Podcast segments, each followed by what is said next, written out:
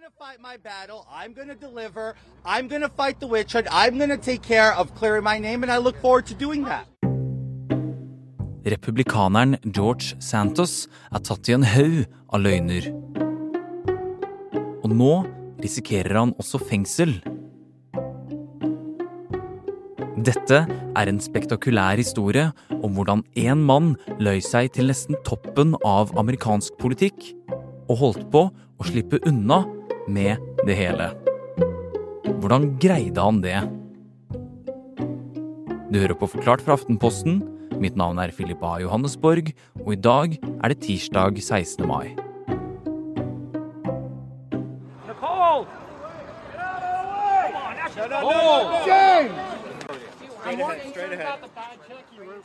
Utenfor et tinghus i New York så står det haugevis av fotografer, journalister og andre nysgjerrige. Døren går opp, og ut så kommer det en dresskledd mann gjemt bak mørke solbriller. Og journalistene, de kaster seg over ham. What about the bad check in Lancaster, Pennsylvania? George eh, Santos eh, er en 34 år, snart 35 år gammel mann. Han er en republikansk politiker. Og eh, høsten 2022 så ble han valgt inn til Representantenes hus i hovedstaden Washington fra en valgkrets i New York.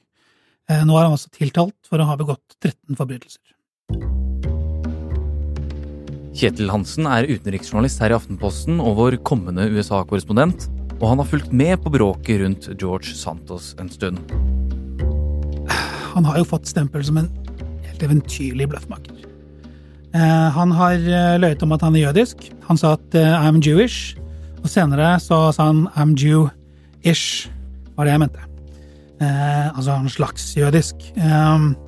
Han fortalte litt i det samme leia om at eh, hans besteforeldre hadde da uh, så vidt unngått uh, holocaust i Europa. Men det viste seg at de hadde bodd flere generasjoner slekten bodde flere generasjoner i Brasil. Og, og, de var dessuten ikke jødiske. Um, han sa at han eide 13 eiendommer i New York. Det fantes ingen spor etter. Uh, og han sa at moren uh, døde i, i terrorangrepene 11.9.2001. Det viste seg senere at hun døde i 2016, og hadde dessuten ikke vært i New York uh, den dagen. Dette var bare noe av det som kom frem da New York Times begynte å grave i bakgrunnen hans etter valget. I tillegg så kom det jo frem at det aller meste av det som sto på CV-en hans, det var bare vrøvl. Det høres jo veldig alvorlig ut med CV-juks, da. Ja, det han gjorde med CV-en var spesielt. Han, han sa at han hadde studert ved New York University og Baruch eh, College. Hadde studert eh, finans og økonomi der, og hadde hatt eksamen. Men universitetene de kunne ikke finne noen spor etter ham. Og han eh, sa at han hadde jobbet ved noen av de mest prestisjetunge finansfirmaene i USA, Citigroup og Goldman Sachs, og der kjente de heller ikke til noe George Santos. Dette var bare løgnene George Santos ikke kan straffes for. I lengre tid har det pågått en etterforskning av Santos, og nå er han altså tiltalt for ganske mange lovbrudd. Nei, det er en hel rekke ting. Han er som sagt eh, tiltalt eh, på 13 punkter. De, de mest alvorlige, det er da at han har eh, fusket med valgkampfinansieringen sin svindlet folk til å betale penger til en valgkamp. Han sa da at uh, disse pengene de skal gå til å betale TV-reklame og, og, valgkampkostnader.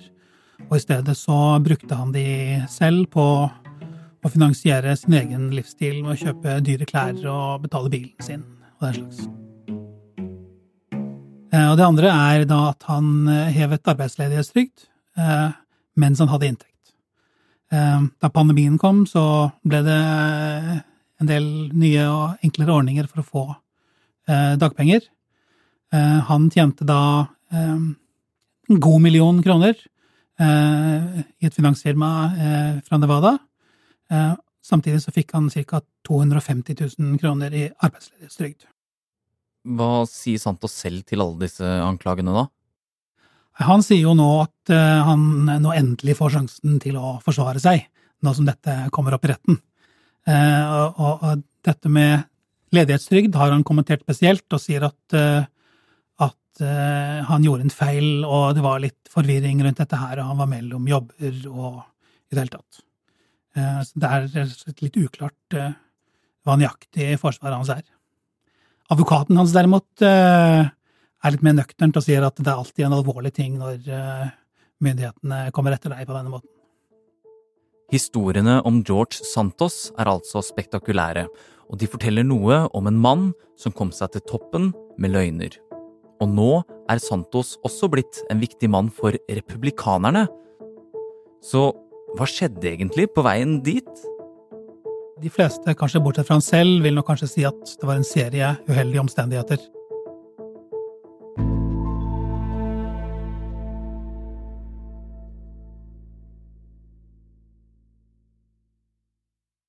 Kjetil, før alle skandalene ble kjent, hvem var George Santos da? Jo, da eh, var han nyvalgt eh, kongressmedlem, eh, og han var litt kjent. Eh, fordi han var da den første eh, republikaner som var blitt valgt til et slikt verv, eh, som hadde stått frem som, som åpent homofil før han ble valgt. Han var altså den første amerikansk-brasilianeren som ble valgt til Kongressen. Eh, og så hadde han jo denne flotte CV-en, da, ikke sant? så han så ut som en, som en kommende stjerne. Hvordan greide han å vinne i utgangspunktet, Kjetil? Nei, I utgangspunktet så, så var han jo eh, så ut som en veldig god kandidat. Han eh, hadde fine papirer, eh, han eh, kledde seg som gamle penger, han eh, var åpent homofil, så han kunne appellere til også andre enn en, en, en velstående republikanere. Men så var det et par som det alle andre enn han selv eh, vil kalle en serie uheldige omstendigheter eh, skjedde. Eh, og noe av det viktigste der, det var at det var en populær demokrat som hadde denne kongressplassen. Han trakk seg, for han ville prøve å bli demokratisk guvernør i New York istedenfor. Og så, sent på våren eh, 2022, så ble valgkretsen, grensene for den tegnet om. Sånn at plutselig så var det mange demokratiske velgere kom ut og ble satt i andre valgkretser, og det kom inn masse republikanske velgere. Og dermed var det plutselig en mye bedre valgkrets for en republikansk kandidat. Men Kjetil, hvorfor var det ingen som fant ut av alle disse løgnene før etter han ble valgt, da? Sannsynligvis har det med det å gjøre at han stilte opp to år før i samme valgkrets. Men da var det en veldig trygg demokratisk valgkrets, eh, så han ble nok sannsynligvis ikke sjekket så veldig grundig, eh, bakgrunnen hans. Og så spoler vi frem to år til eh, 2022. Eh, alle disse tingene skjer, plutselig er valgkretsen i spill. Og demokratene de gjør en del sånn såkalt up-hour research, altså de undersøker bakgrunnen hans, men de gjør det ikke så veldig godt. Og sannsynligvis har både de og republikanerne tenkt det at ja, men han har vært kandidat før og er sjekket før. Så vi trenger ikke gjøre det så grundig denne gangen. Og ved å kalle seg selve essensen av den amerikanske drømmen, og ved å love å beskytte de samme mulighetene for andre, så ble han altså valgt inn i Representantenes hus i fjor høst. Det er den lovgivende forsamlingen i USA, bare så du vet det. Og da Santos vant valget, så var det en liten sensasjon. Men ting ble snart enda bedre for Santos, for raskt så ble han også en verdifull fyr for republikanerne. For i Representantenes hus så har høyresiden nå et knapt flertall, og alle stemmer kan bli avgjørende. Det er litt på håret iblant. Eh, For eksempel så hadde de forleden et vedtak om, om eh, USAs gjeldstak, eh, hvor de hvor et par republikanere hoppet av. Sånn at de vant avstemningen akkurat med én stemme. Og en av de stemmene var George Santos. Sånn at dermed så trenger han som er lederen for Representantenes hus, republikaneren Ken McCarthy, han eh, trenger på en måte alle de stemmer han kan få. Eh, og derfor er Santos plutselig blitt eh, en avgjørende person. Så derfor kan ikke Santos ofres av republikanerne sånn helt uten videre, selv om de formelt sett har muligheten. There is one person who can make this change Speaker McCarthy. Det går an eh, å, å utvise, som det heter, eller kaste folk ut av Kongressen. Eh, Det er det da Kongressen selv som må gjøre, og det må gjøres med to tredjedels flertall. Eh, Det har skjedd eh, før, men, men eh, de fleste eh, de var da sto på sørstatenes side under borgerkrigen. Så stort sett så er det en stund siden folk er blitt kastet ut. Nå er det jo slik at, som, som nevnt eh, tidligere, at han er den viktige personen for det republikanske flertallet. Så sannsynligvis så skal det litt til eh, før eh, det republikanske flertallet vil gå med på å fjerne ham. Eh, sannsynligvis så må han vel dømmes eh, i, en, i en kriminalsak. Så foreløpig er Santos skjebne fortsatt åpen.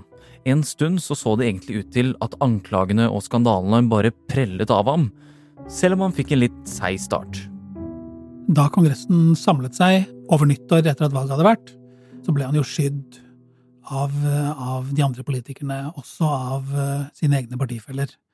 Folk snakket ikke med ham, eller på en måte ikke ville sett sammen med ham, da.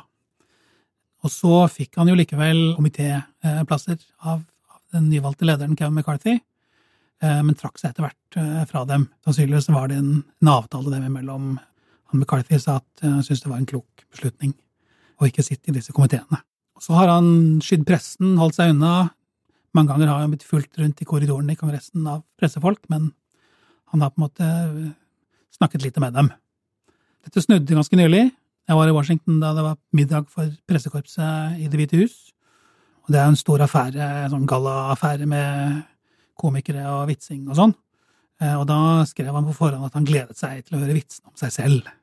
Han var på en måte med eh, på på historien og med på å eie historien om seg selv. Da. Så det, det blir begynt å spekulere på om hva han så for seg eh, etter neste valg, om trodde at han hadde en sjanse til å vinne igjen, eller om han skulle begynne med eh, i reality-TV. It, it, it makes no sense that in four months, four months, five months, I'm indicted. Men nå, nå er jo eh, tonen blitt eh, mer alvorstung for ham, og han eh, har begynt å, å snakke litt sånn som eh, Donald Trump gjør, om heksejakt eh, og slike ting. Eh, så han innser nok at eh, han eh, risikerer rett og slett fengselsstraff.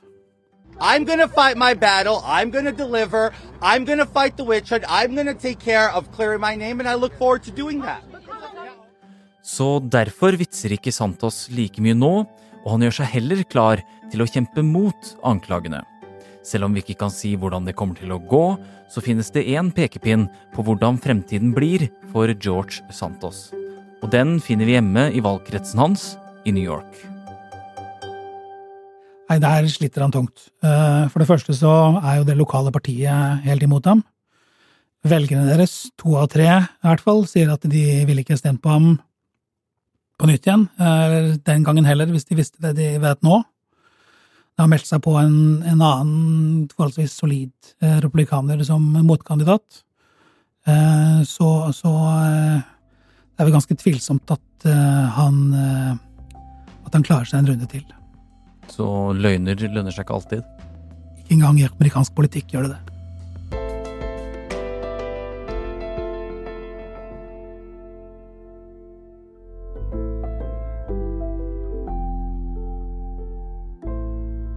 Du har hørt en podkast fra Aftenposten.